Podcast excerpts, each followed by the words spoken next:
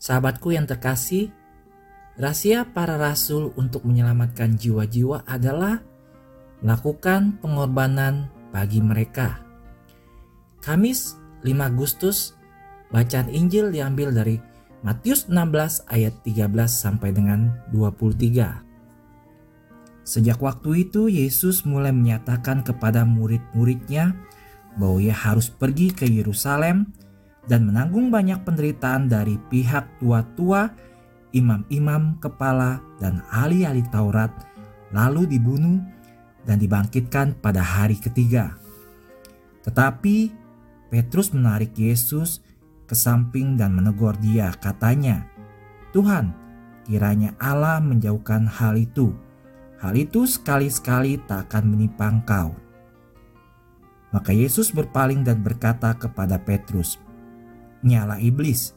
Engkau suatu batu sandungan bagiku, sebab engkau bukan memikirkan apa yang dipikirkan Allah, melainkan apa yang dipikirkan manusia. Sahabatku, kata-kata yang mencolok dari Tuhan kita secara harfiah beberapa ayat sebelumnya dalam Injil ini, yaitu Yesus berkata kepada Petrus, "Engkau adalah Petrus, dan di atas batu karang ini..." Aku akan mendirikan jemaatku dan alam maut tidak akan menguasainya. Kepadamu akan kuberikan kunci kerajaan sorga. Yesus akan memberikan Petrus kunci kerajaan sorga. Tetapi yang pertama, dia harus belajar tentang mendapatkan jiwa-jiwa untuk Tuhan. Tidak ada rasa sakit, tidak ada keuntungan. Penderitaan adalah sarana untuk membayar jiwa. Hari ini kita dapat mempertimbangkan kehidupan Saint John Mary Vianney sebagai contoh yang jelas tentang hal ini. Ketika dia ditunjuk untuk menjadi imam di sebuah desa dengan lebih dari 350 penduduk, ia berdoa, "Tuhan, beri saya pertobatan untuk paroki saya. Saya bersedia menderita apa pun yang Anda inginkan sepanjang hidup saya.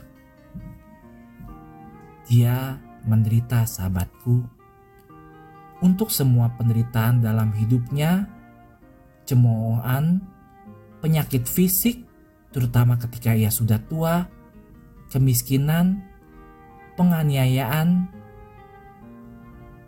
dan ditambah penyangkalan dirinya sendiri. Sahabat, dia melakukan penyangkalan seperti tidak pernah menikmati aroma bunga, tidak pernah mencicipi buah, tidak pernah minum bahkan hanya setetes. Dia tidak akan menyingkirkan lalat yang mengganggunya. Ketika ia berlutut, dia tidak akan mengistirahatkan sikunya di bangku berlutut. Dia tidak pernah menunjukkan rasa tidak suka. Dia hanya satu kali makan cukup untuknya sepanjang hari. Ia biasanya hanya makan sedikit roti hitam dan satu atau dua kentang rebus. Selama eksorsisme setan pernah meratapi bahwa neraka telah kehilangan 80 ribu jiwa karena doa dan pengorbanan Saint John Vianney saja. Bukan karena kata-katanya sahabatku, tapi dari doa dan pengorbanannya. Maria, Ratu para Rasul, bantu aku untuk kemurahan hati dalam pengorbanan.